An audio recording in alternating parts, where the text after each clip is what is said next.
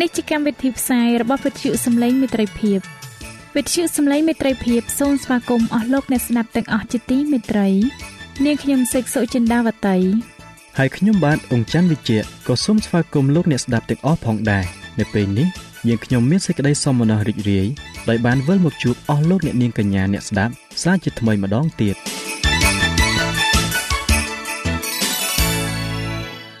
នាងខ្ញុំសេកសុចិន្តាវតី សូមជម្រាបជូនកម្មវិធីផ្សាយដែលមានជាបន្តបន្ទាប់ដូចតទៅនេតិជួបជាមួយព្រះបន្ទូលនេតិបទទំនាយនិងប្រវត្តិសាស្ត្រចា៎លោកអ្នកស្ដាប់ជាទីមេត្រី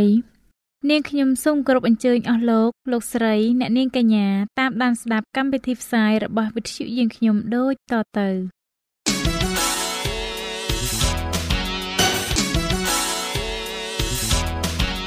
នេតិ ជួបជាមួយព្រះបន្ទូល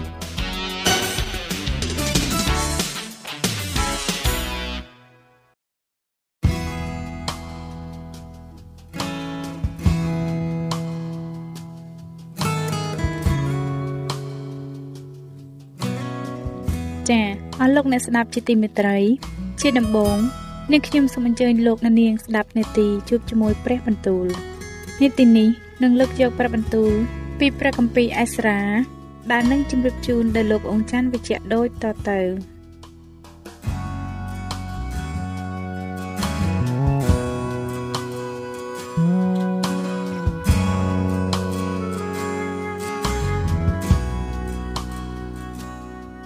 ព្រះគម្ពីរអេសារ៉ាជំពូកទី6ដូច្នេះស្ដេចដារីយុសទ្រង់ចេញបង្គាប់ឲ្យគេក៏ពិនិត្យរកក្នុងមន្ទីរលិខិត ជាកន្លែងដែលរក្សាទុកនៅព្រះរាជទ្រព្យក្នុងក្រុងបាប៊ីឡូនហើយគេឃើញមានក្រាំងមួយ នៅក្នុងព្រះរាជដំណាក់នៅក្រុងអមេថា ជាក្រុងធំខេត្តមេឌីមានសេចក្តីកត់ទុកថា នៅឆ្នាំទី1ក្នុងរាជស្ដេចសេរ៉ូសនោះស្ដេចទ្រង់បានចេញព្រះរាជអង្ការពីដំណើរព្រះវិហារនៃព្រះដែលនៅក្រុងយេរូសាឡឹមថាត្រូវឲ្យស្អាងព្រះវិហារនោះឡើងវិញគឺជាកន្លែងដែលសម្រាប់ថ្វាយយ៉ាញ់បូជាត្រូវឲ្យដាក់ជើងជញ្ជាំងវិហារនោះឲ្យមាំមួន ឯកម្ពស់ព្រះវិហារត្រូវជា60ហត្ថទូទៅ60ហត្ថដែរដោយថ្មយ៉ាងធំធំ3ជាន់និងឈើថ្មីមួយជាន់ឯប្រាក់ចំណាយ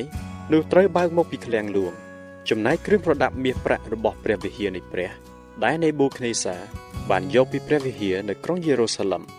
នាំមកឯក្រុងបាប៊ីឡូននោះត្រូវប្រគល់ទៅវិញឲ្យបានយកទៅដាក់នៅកន្លែងធម្មតាក្នុងព្រះវិហារដែលនៅក្រុងយេរូសាឡឹមចុះ ត្រូវដាក់ទាំងអស់នៅក្នុងព្រះវិហារនៃព្រះដូច្នេះត្រូវឲ្យថាថ្នាយជាចវាយខេតនៅខាងនេះទន្លេ ហើយនឹងសេថាប៊ូស្នាយព្រមទាំងពួកអផាសាជាគូកនគេដែលនៅខាងនេះទន្លេឃ្លាតឆ្ងាយពីទីនោះទៅកុំឲ្យខាត់ខាំងការស្អាងព្រះវិហារនេះឡើយចូលទុកឲ្យចវាយរបស់ពួកយូដា និងពួកចាស់ទុំរបស់គេស្អាងព្រះវិហារនេះនៅកន្លែងធម្មតានោះចុះមួយទៀត យើងចេញបង្គាប់ពីដំណើរដែលអ្នករាល់គ្នាត្រូវប្រព្រឹត្តនឹងពួកចាស់ទុំរបស់សាសយូដានេះសម្រាប់នឹងជួយស្អាងព្រះវិហារនៃព្រះជាយ៉ាងណាដែរគឺត្រូវបើកព្រះរាជទ្រព្យរបស់ស្ដេចពីសួយអាករនៅខាងនេះទន្លេដល់អ្នកទាំងនោះទុកសម្រាប់នឹងចំណាយដើម្បីកុំឲ្យមានសេចក្តីអខានការនោះឡើយព្រមទាំងរបស់អ្វីដែលគេត្រូវការផង នោះទាំងកោស្ទៀវជាមឈ្មោលនិងកូនជាមសម្រាប់ជាដង្វាយដុតថ្វាយដល់ព្រះនៃស្ថានសួគ៌ ឬស្រូវអំបិលស្រាទំពាំងបាយជូរនិងប្រេងតាមដែលពួកសង្ឃនៅក្រុងយេរូសាឡឹមនឹងប្រាប់មកនោះត្រូវបើកឲ្យគេរាល់តែថ្ងៃជាកំខានដើម្បីឲ្យគេបានថ្វាយយ៉ាញ់បូជាទុកជាក្លិនឈ្ងុយដល់ព្រះនៃស្ថានសួគ៌ហើយអធិស្ឋានឲ្យស្ដេចនិងពួកព្រះរាជបុត្រាស្ដេចបានប្រជញ្ញចម្រើនយើងក៏បានចេញបង្គាប់ថាបើអ្នកណាបំផ្លែបំប្រែប្រកាសនេះនោះត្រូវដោះធ្នឹមមួយ ពីផ្ទះអ្នកនោះ បញ្ឈរឡើងចងគេភ្ជាប់ទៅរួចត្រូវប្រើផ្ទះគេទុកជាកន្លែងសម្រាប់នឹងបន្តលិមួកដោយព្រោះហេតុនោះឯងហើយសូមឲ្យព្រះដែលបានប្រោះប្រទានឲ្យព្រះនាមទ្រង់សន្ធិដ្ឋនៅទីនេះ បានទម្លាក់អស់ទាំងស្ដេចណា និងសាសនាដែលលូកដៃទៅធ្វើខុសនឹងប្រកាសនេះ ដើម្បីនឹងបំផ្លាញព្រះវិហារនៃព្រះដែលនៅក្រុងយេរូសាឡឹមនេះចេញផងយើង Darius បានចេញប្រកាសហើយដូច្នេះត្រូវឲ្យសម្រេចសពគ្រប់តាមដោយខ្នះខ្នែងចោះ ដូច្នេះថាថ្នាយជាចវាយខេតនៅខាងនេះទន្លេ និងសេដ្ឋាបូស្នាយព្រមទាំងពួកគូកនគេក៏ធ្វើដោយខ្នះខ្នែងតាមសេចក្តីដែលស្ដេចដារីយុសបានផ្ញើមកគ្រប់ចម្ពោះយ៉ាងនោះពួកចាស់ទុំនៃសាសយូដាក៏ស្អាងឡើងដោយមានសេចក្តីចម្រើនដោយនៅការទីរបស់ហោរាហាកាយនិងសាការី ជាកូនអ៊ីដាវគេបានស្អាងឡើងដល់រាប់ដល់ហើយតាមបង្គាប់ផងព្រះនៃសាសអ៊ីស្រាអែល ហើយតាមព្រះរាជអង្គការនៃស៊ីរុសដារីយ៉ូនិងអ៊ីថាសឺកសេសជាស្ដេចពើស៊ីផង នៅថ្ងៃទី3ខែផលគុណក្នុងឆ្នាំទី6នៃរាជស្ដេចដារីយ៉ូនោះព្រះវិហារបានស្អាងឡើងរួចជាស្រេចគ្រានោះពួកកូនចៅអ៊ីស្រាអែលពួកសង្ឃនិងពួកលេវីព្រមទាំងពួកអ្នកដែលត្រូវនាំទៅជាឆ្លើយឯទៀតក៏នាំគ្នាធ្វើបន់ឆ្លងព្រះវិហារនេះដោយអំណរគេបានថ្វាយគោឈ្មោល100ជាមឈ្មោល200 និងកូនជា400ជាដង្វាយឆ្លងព្រះវិហារហើយនឹងពពែ12តាមចំនួនពូជអម្បូរសាសអ៊ីស្រាអែលសម្រាប់ជាដង្វាយលុះបាបនៃពួកអ៊ីស្រាអែលទាំងអស់គេក៏តាំងពួកសង្ឃឡើងតាមផ្នែកពួកគេហើយពួកលេវីតាមវេនសម្រាប់ធ្វើការងារនៃព្រះនៅក្រុងយេរូសាឡឹមដូចជាបានកត់ទុកក្នុងគម្ពីរលោកម៉ូសេហើយឯពួកអ្នកដែលត្រូវនាំទៅជាឆ្លើយនោះគេក៏ធ្វើបុណ្យរំលងនៅថ្ងៃ14ខែចែកដែរត្បិតពួកសង្ឃនិងពួកលេវីបានសម្អាតខ្លួនទាំងអស់គ្នារួចជាស្រេច គេសុទ្ធតែបានបរិសុទ្ធហើយដូច្នេះគេបានសម្រាប់ជាមសម្រាប់ធ្វើបុណ្យរំលងឲ្យពួកអ្នកដែលបាននាំទៅជាឆ្លើយទាំងប៉ុន្មានព្រមទាំងឲ្យពួកសង្ឃជាបងប្អូនគេ និងខ្លួនគេផងរួចពួកកូនចៅអ៊ីស្រាអែលដែលបានចេញពីសន្តានជាឆ្លើយមកវិញនិងអស់អ្នកដែលបានញែកខ្លួនចេញពីសេចក្តីស្មោកគ្រោករបស់ពួកសាសដតីដើម្បីនឹងស្វែងរកព្រះយេហូវ៉ា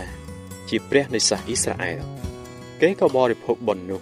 គេធ្វើបុណ្យនំប៉័ងឥតដំបាយអស់7ថ្ងៃ ដោយអំណរត្បិតព្រះយេហូវ៉ាបានធ្វើឲ្យរីករាយសប្បាយដោយបំបាយប្រទេសស្ដេចស្រុកអាសឺមកកាន់ខាងគេ ដើម្បីនឹងចម្រើនកម្លាំងដៃគេ ក្នុងការរបស់ព្រះវិហារនៃព្រះដ៏ជាព្រះនៃសាសអ៊ីស្រាអែល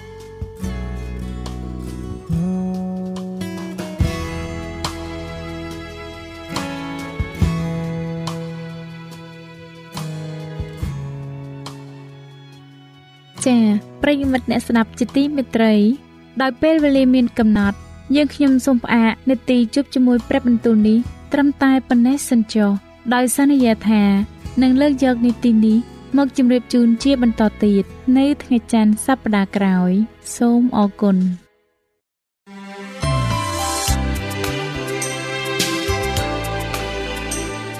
វិទ្យុសំឡេងមេត្រីភាព AWR នាំមកជូនលោកអ្នក នៅសារនៃសេចក្តីសង្ឃឹមសម្រាប់ជីវិត។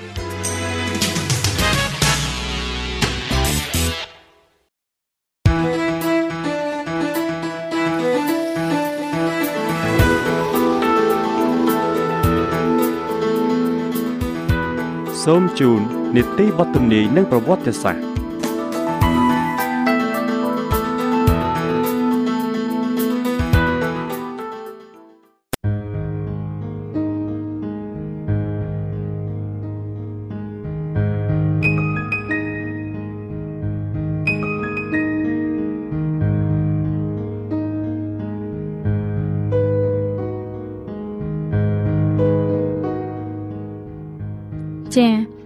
សូមជម្រាបសួរអស់លោកលោកស្រីនិងប្រិយមិត្តអ្នកស្ដាប់វិទ្យុសំឡេងមិត្តភាពជាទីមេត្រី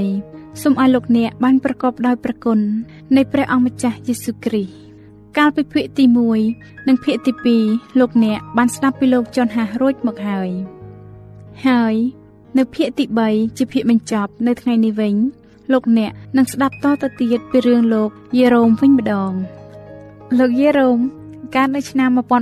1379នៅទីក្រុងប្រែកនៃប្រទេសបូហ៊ីម៉ាប្រទេសនេះបច្ចុប្បន្នជាសាធារណរដ្ឋឆែកតើលោកយេរ៉ូមបានរក្សាសេចក្តីជំនឿដោយសារសេចក្តីពិតដែរទេឬមួយលោកត្រូវបោះបង់ចោលកណ្ដាលទី ចាលោកអនយរិតអាចនឹងជម្រាបជូនលោកអ្នកបានសូមគោរពអញ្ជើញលោកអ្នកតាមដានភាគទី3ដែលជាភាគបញ្ចប់នៃចម្ពោះទី6នេះបន្តទៅទៀតដូចតទៅ បាទសូមជម្រាបសួរសូមឲ្យលោកអ្នកបានប្រកបដោយព្រះគុណនិងព្រះពរពីមេរៀននៅថ្ងៃនេះជាមួយនឹងខ្ញុំបាទការបំពេញទៅលើលិខិតឆ្លងដែនរបស់លោកចនហាបានបង្កើតឲ្យមានកំហឹងយ៉ាងខ្លាំងក្រុមប្រឹក្សាបានសម្រេចថា ជាជាងដុតលោកជេរ៉ូមយើងបង្ខំឲ្យគាត់ដកយកគោលជំនឿវិញ គេបានឲ្យគាត់ជ្រើសរើសយកការដកពាក្យសម្ដី ឬក៏យកការស្លាប់នៅនឹងបង្គោលមរណៈដោយបានទន់ខ្សោយដោយជំងឺ ការប្រព្រឹត្តដ៏តឹងរឹងក្នុងគុកនិងទនកម្មនៃកង្វល់និងការវល់វល់នៅក្នុងចិត្តការឃ្លាតឆ្ងាយពីមិត្តភ័ក្តិនិងការបាក់ទឹកចិត្តដោយលោកជន់ហាបានស្លាប់ លោកយេរ៉ូមស៊ូរំត្រង់ទុកទៅទៀតលែងបានគាត់បានស្បត់សច្ចាថានឹងកាន់ខ្ជាប់នៅជំនឿកាតូលិកហើយទទួលយល់ព្រមតាម ការប្រព្រឹត្តនៃក្រមប្រឹក្សា ក្នុងការកាត់ទោសលោកជន់វ៉ៃឃ្លីហ្វនិងលោកជន់ហាវាលែងតែសេចក្តីពិតដ៏បរិសុទ្ធដែលពួកគេបង្រៀនប៉ុណ្ណោះប៉ុន្តែនៅក្នុងភាពស្ងប់ស្ងាត់នៅក្នុងគុកងងឹតក្រោមដីគាត់បានឃើញយ៉ាងជាក់ច្បាស់នៅអ្វីដែលគាត់បានប្រព្រឹត្តគាត់បាននឹកគិតពីសេចក្តីក្លាហាន និងសេចក្តីស្មោះត្រង់របស់លោកជន់ហាហ្វហើយឆ្ងល់ថាខ្លួនគាត់ចេះបដិសេធសេចក្តីពិតទៅកើត គាត់បានគិតពីព្រះបរមគ្រូនៃនគរសានសួរដែលបានស៊ូទ្រាំលើឈើឆ្កាងសម្រាប់គាត់មុននឹងគាត់ដកពាក្យសម្ដីគាត់បានមានសេចក្តីកំសាន្តចិត្តនៅក្នុងមជ្ឈដ្ឋាន នៃសេចក្តីវេទនា ដោយដឹងថាព្រះទ្រង់សពហរតីតែឥឡូវសេចក្តីស្ដាយក្រោយនិងមន្ទិលសង្ស័យបានដាក់ទណ្ឌកម្មដល់គាត់គាត់បានដឹងថា នៅមាន ការដកគោលជំនឿខ្លះទៀតមុននឹងបានសេចក្តីសុខ ជាមួយរ៉ូមផ្លូវដែលគាត់បានឈានចូលនោះនឹងបានគ្រាន់តែជាការឃ្លាតចាកពីជំនឿរបស់ខ្លួនតែប៉ុណ្ណោះក្រោយមកគេក៏បានយកគាត់ទៅឯក្រុមប្រឹក្សាម្ដងទៀតការចុះចូលរបស់គាត់មិនបានគប់ចិត្តដល់អ្នកកាត់ក្តីទេ មានតែការចុះចូលអស់ទាំងសេចក្តីពិត ដោយឥតមានលក្ខទុកអ្វីសោះ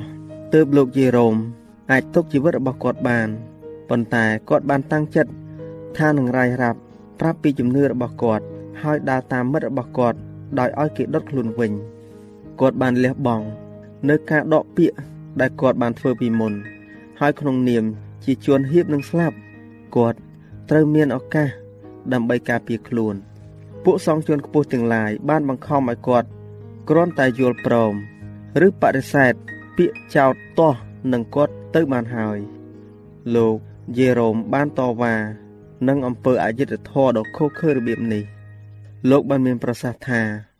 អស់លោកបានឃុំឃាំងខ្ញុំអស់340ថ្ងៃ ក្នុងគុកគំរក់ដ៏សែនខ្លាច បន្ទាប់មក លោកយកខ្ញុំមកនៅចំពោះមុខអស់លោក ហើយបើកតែត្រចៀកមកខាងស្ដាប់ដល់សត្រូវរបស់ខ្ញុំ តែលោកមិនព្រមស្ដាប់ខ្ញុំសោះមិនត្រូវធ្វើអំពើបាបទាស់នឹងសេចក្តីយុត្តិធម៌ទេ ចំពោះខ្ញុំវិញខ្ញុំគ្រាន់តែជាជួនទន់ខ្សោយម្នាក់ប៉ុណ្ណោះ ជីវិតខ្ញុំមិនសំខាន់ទេ ហើយពេលខ្ញុំសូម មិនឲ្យលោក កាត់ក្តីដោយអយុត្តិធម៌ខ្ញុំមិនមែននិយាយសម្រាប់តែខ្លួនខ្ញុំទេ គឺសម្រាប់ប្រយោជន៍ដល់លោកវិញទេតើនៅទីបំផុត គេក៏បានយល់ព្រមដល់សំណុំពររបស់គាត់នៅក្នុងវត្តមាននៃអ្នកកាត់ក្តីទាំងឡាយលោកយេរ៉ូមបានលុតជង្គង់ចុះហើយអធិដ្ឋាន សូមឲ្យព្រះវិញ្ញាណពីនគរស្ថានសួគ៌ណែនាំគំនិតគាត់ ប្រយោជន៍ឲ្យគាត់អាចនិយាយនៅអ្វីដែលមិនផ្ទុយនឹងសេចក្តីពិតឬមិនសមគួរចំពោះព្រះបរមគ្រូរបស់គាត់សេចក្តីសន្យា ដែលមានចែងនៅក្នុងព្រះគម្ពីរម៉ាថាយបានសម្រេចនៅចំពោះគាត់នៅថ្ងៃនេះថានៅពេលដែលគេបានចាប់បញ្ជូនអ្នករាល់គ្នានោះកុំឲ្យថប់បារម្ភព្រួយ ពីបែបដែលត្រូវនិយាយឬពីពាក្យដែលត្រូវថានោះឡើយពីព្រោះសេចក្តីដែលត្រូវនិយាយនឹងបានប្រទានដល់អ្នករាល់គ្នានៅវេលានោះឯងត្បិត មិនមែនអ្នករាល់គ្នាដែលត្រូវនិយាយនោះទេ គឺព្រះវិញ្ញាណរបស់ព្រះវរបិតាទេតា ដែលទ្រង់បានមានបន្ទូលក្នុងខ្លួនអ្នករាល់គ្នាវិញព្រះគម្ពីរម៉ាថាយចំពុកទី10ខ19និងខ20អស់រយៈពេលពេញមួយឆ្នាំ លោកយេរ៉ូមបានស្ថិតនៅក្នុងគុកងងឹតទៀងអានមិនបាន មើលអ្វីមិនឃើញផងប៉ុណ្ណឹងហើយគាត់បានសម្ដែងនៅការថ្លែងសេចក្តីរបស់គាត់យ៉ាងច្បាស់ហើយដោយអំណាច ដូចជាគាត់បានមានឱកាសសិក្សាដោយគ្មានគេរំខានដូច្នេះគាត់បានពន្យល់អ្នកស្ដាប់ឲ្យយល់ពីជួនបរិសុទ្ធជាច្រើនដំណរមក ដែលពួកចៅក្រមអយុធធរបានផ្ដន់ទាទោសស្ទើរតែគ្រប់ដំណរអ្នកដែលចង់លើកប្រជាជនឲ្យបានខ្ពស់នៅក្នុងចំនួនគេនោះត្រូវបានគេបដិសេធចោលព្រះគ្រីស្ទផ្ទាល់ត្រូវបានគេផ្ដន់ទាទោសថា ជាអ្នកល្មើសច្បាប់ នៅក្នុងសាលាកាត់ក្តីដ៏អសុចរិតមួយ ឥឡូវនេះលោកយេរ៉ូមបានថ្លែង ពីការលន់តួរបស់គាត់និងធ្វើជាសាក្សីដល់ភាពឥតកំហុសនិងភាពបរិសុទ្ធរបស់លោកចនហាដែលបានស្លាប់ទៅហើយនោះគាត់បានមានប្រសាសន៍ថាខ្ញុំបានស្គាល់គាត់តាំងតែពីនៅកុមារមកម្លេះគាត់ជាមនុស្សដ៏ល្អបំផុតប្រកបដោយសេចក្តីយុត្តិធម៌ហើយសេចក្តីបរិសុទ្ធតែគេបានកាត់ទោសលោកទោះជាលោកគ្មានកំហុសក៏ដោយចំណែកខ្ញុំខ្ញុំសុខចិត្តស្លាប់វិញខ្ញុំនឹងមិនដកខ្លួន ដោយខ្លាចសេចក្តីវេទនា ដែលពួកសត្រូវនិងពួកអ្នកធ្វើទីបន្ទាល់ខ្លាំងខ្លាយបានរៀបចំសម្រាប់ខ្ញុំនោះទេ ហើយនៅថ្ងៃមួយ ពួកគេទាំងនេះនឹងរាយរាប់ពីដំណើរនៃការខ្លែងបន្លំរបស់គេ នៅចំពោះព្រះដ៏មានមហិទ្ធិឫទ្ធិដែលគ្មានអ្វីអាចបញ្ឆោតបានឡើយលោកយេរ៉ូមបានបន្តទៀតថាអស់ទាំងអំពើបាបដែលខ្ញុំបានប្រព្រឹត្តតាំងតែពីយុវវ័យមក គ្មានអំពើបាបណាមួយ ដែលមានទម្ងន់យ៉ាងធ្ងន់នៅក្នុងចិត្តខ្ញុំហើយបណ្ដាលឲ្យមានវិបដិសារីខ្វល់ខ្វាយនៅក្នុងចិត្តជាងអំពើបាបដែលខ្ញុំ បានប្រព្រឹត្តនៅក្នុងកន្លែងដ៏ស្លាប់រស់នេះទេ នៅពេលខ្ញុំបានយល់ស្របទៅនឹងការកាត់ទោសដ៏ទុច្ចរិតដល់លោក John Wycliffe និងដល់ជួនបរិសុទ្ធ John Huff ដែលជាគ្រូនិងជាមិត្តភ័ក្តិរបស់ខ្ញុំនោះ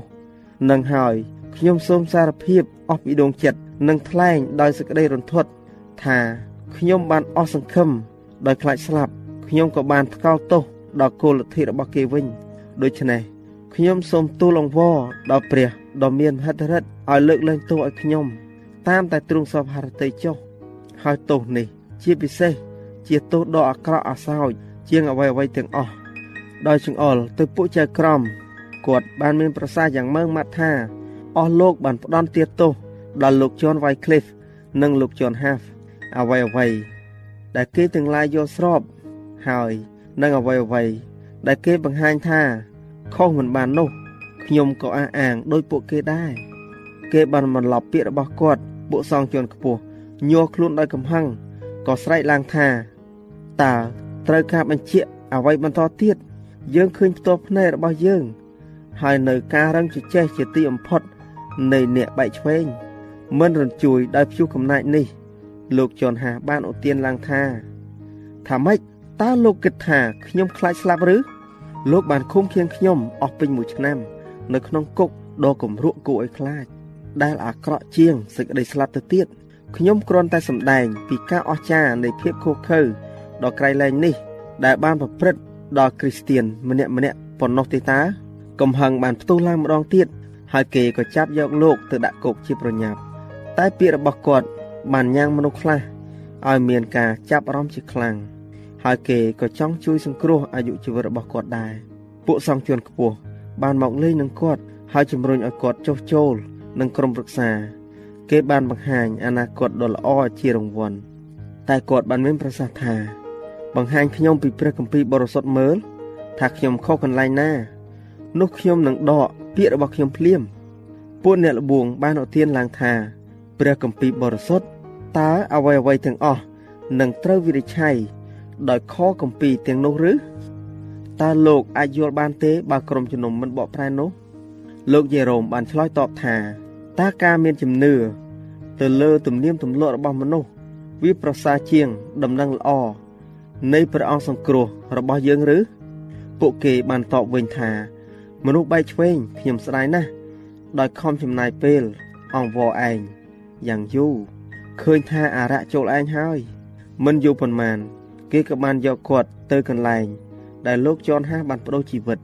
នៅតាមផ្លូវគាត់បានច្រៀងហើយទឹកមុខរបស់គាត់បានភ្លឺដោយអំណរនិងសេចក្តីរីករាយនៅក្នុងចិត្តគាត់ពុំបានញញើតនឹងសេចក្តីស្លាប់ឡើយនៅពេល អ្នកសម្លាប់គាត់បានឈានជើង នៅពីក្រោយគាត់ហៀបនឹងអុចចន្លោះអ្នកបដូរជីវិតបានឧទានឡើងថាដុតភ្លើង នៅមុខ ខ្ញុំឯនេះវិញ បើខ្ញុំខ្លាចខ្ញុំមិនមែននៅទីនេះទេ ពាក្យចុងក្រោយបង្អស់របស់គាត់ គឺជាសេចក្តីអធិដ្ឋានថាព្រះវរបិតាដ៏ពោពេញទៅដោយព្រះចេស្តាព្រះអង្គអើយសូមទ្រង់អាណិតមេត្តាដល់ទូមង្គមផង ហើយ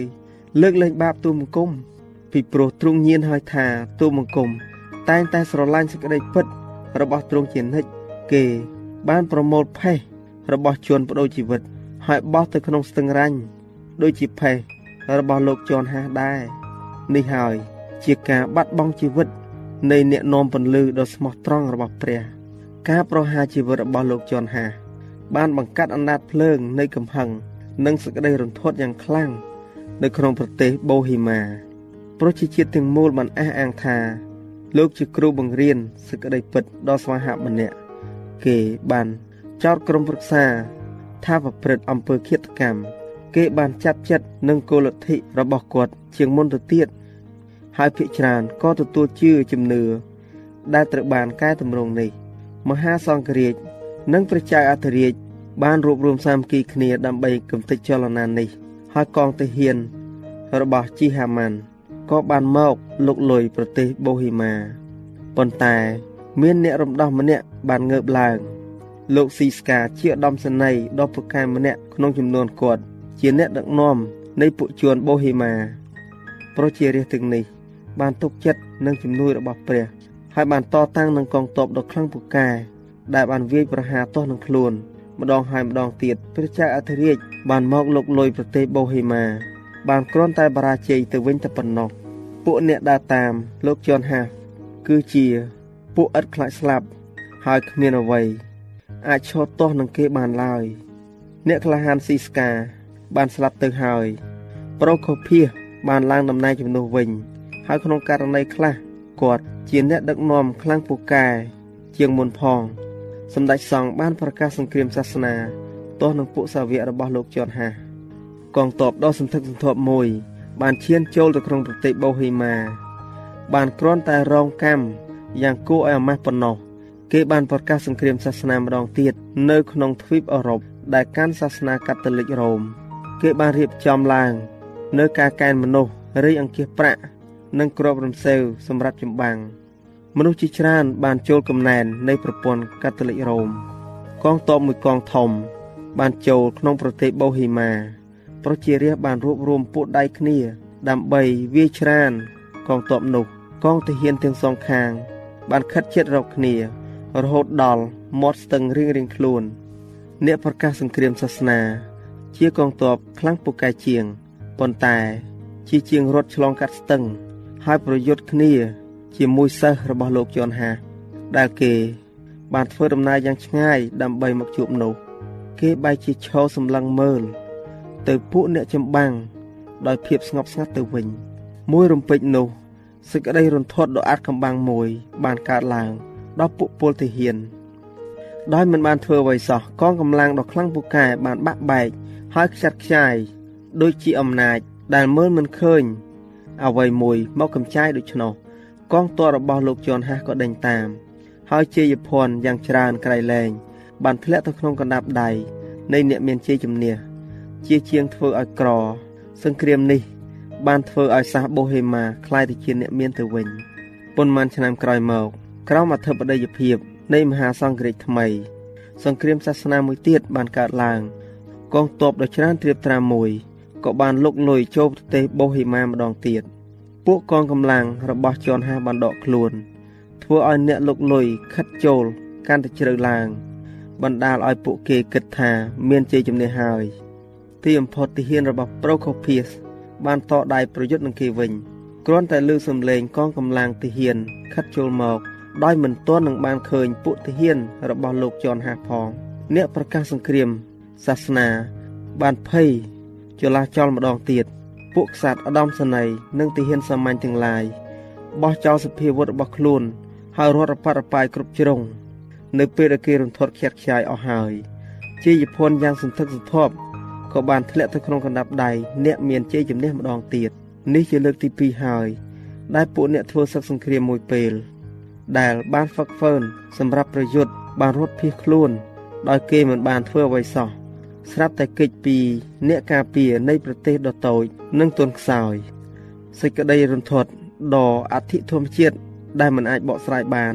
បានកំទេចពួកអ្នកលោកលុយព្រះបានធ្វើឲ្យពួកកងទាហាន របស់ម៉ាឌៀនរត់ចាត់ខ្ចាយនៅមុខគិឌៀននិងទាហាន300នាក់របស់គាត់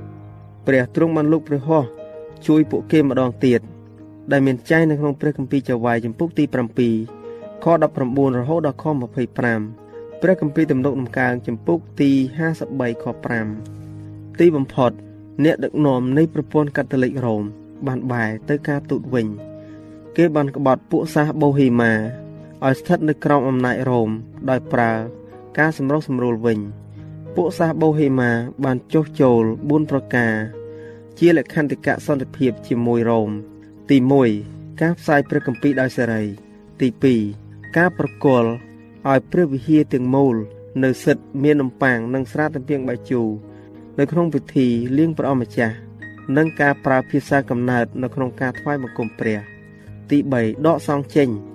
យអស់ពីការិយាល័យនិងអាជ្ញាធរលោកី និងទី4ក្នុងករណីបទអក្រិតយុតាធិការ នៃតឡាការស៊ីវិលត្រូវកាត់ទោសបបជិតនិងក្រហោះអាជ្ញាធរ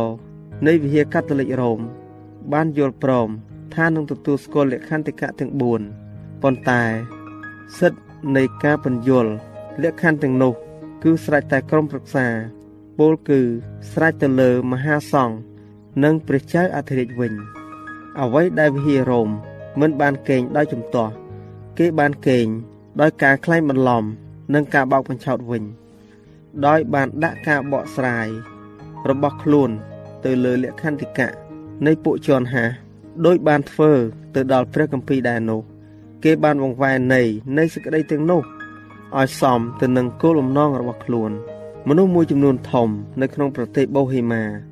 មិនយល់ព្រមនឹងខុសសន្យាទេ ដោយបានឃើញថា គេបានក្បត់សេរីភាពរបស់ខ្លួនហើយ ការខ្វែងគំនិតក៏កើតមានឡើង នាំឲ្យគេមានទំនាស់រវាងគ្នាឯងអភិជនប្រូខូភៀសបានធ្លាក់តំណែង ហើយសេរីភាពនៃប្រទេសបូហេម៉ាក៏បានសាបសូន្យទៅ កងទ័ពដទៃទៀតបានលុកលុយបូហេម៉ាម្ដងទៀតហើយគេបានធ្វើទុកបុកម្នេញបង្ហូរឈាម ដល់អស់អ្នកដែល នៅជឿស្មោះត្រង់និងដំណឹងល្អនេះប៉ុណ្ណឹងហើយគេនៅតែមានភាពរឹងមាំមិនអាចរលំបាន ទោះបីជាកលៈទេសៈបង្ខំឲ្យរកទីជំរកនៅក្នុងរូងភ្នំក៏ដោយពួកគេនៅតែជួបជុំគ្នាដើម្បីអានព្រះបន្ទូលរបស់ព្រះហើយនឹងខំរួបរวมគ្នាក្នុងការថ្វាយបង្គំទ្រង់ជានិច្ចតាមរយៈអ្នកនាំសារដែលបានបញ្ជូនទៅប្រទេសនានាដោយសម្ងាត់គេបានយល់ថាក្នុងចំណោមព្រៃភ្នំក្រំថ្ម មានព្រះវិហារបុរាណមួយ តាំងនៅលើគ្រឹះនៃបទកម្ពីហើយប្រឆាំងតវ៉ានឹងអំពើពុករលួយ នៃការគោរព រូបចម្លាក់របស់រ៉ូមគេក៏បានចាប់ផ្ដើមតាកតងជាមួយពួកគ្រីស្ទៀនវ៉លដូដោយអំណរជាខ្លាំងដោយការកាន់ខ្ជាប់ខ្ជួននឹងដំណឹងល្អពួកសាសបូហេម៉ាបានរងចាំក្នុងរាត្រីកាលនៃទុកទោសរបស់ខ្លួន ហើយក្នុងវេលាដ៏ងងឹតបំផុត ពួកគេក៏នៅតែបើកភ្នែកសម្លឹងទៅឯជើងមេឃដោយមនុស្សទន្ទឹងចាំពេលព្រឹកដូច្នោះ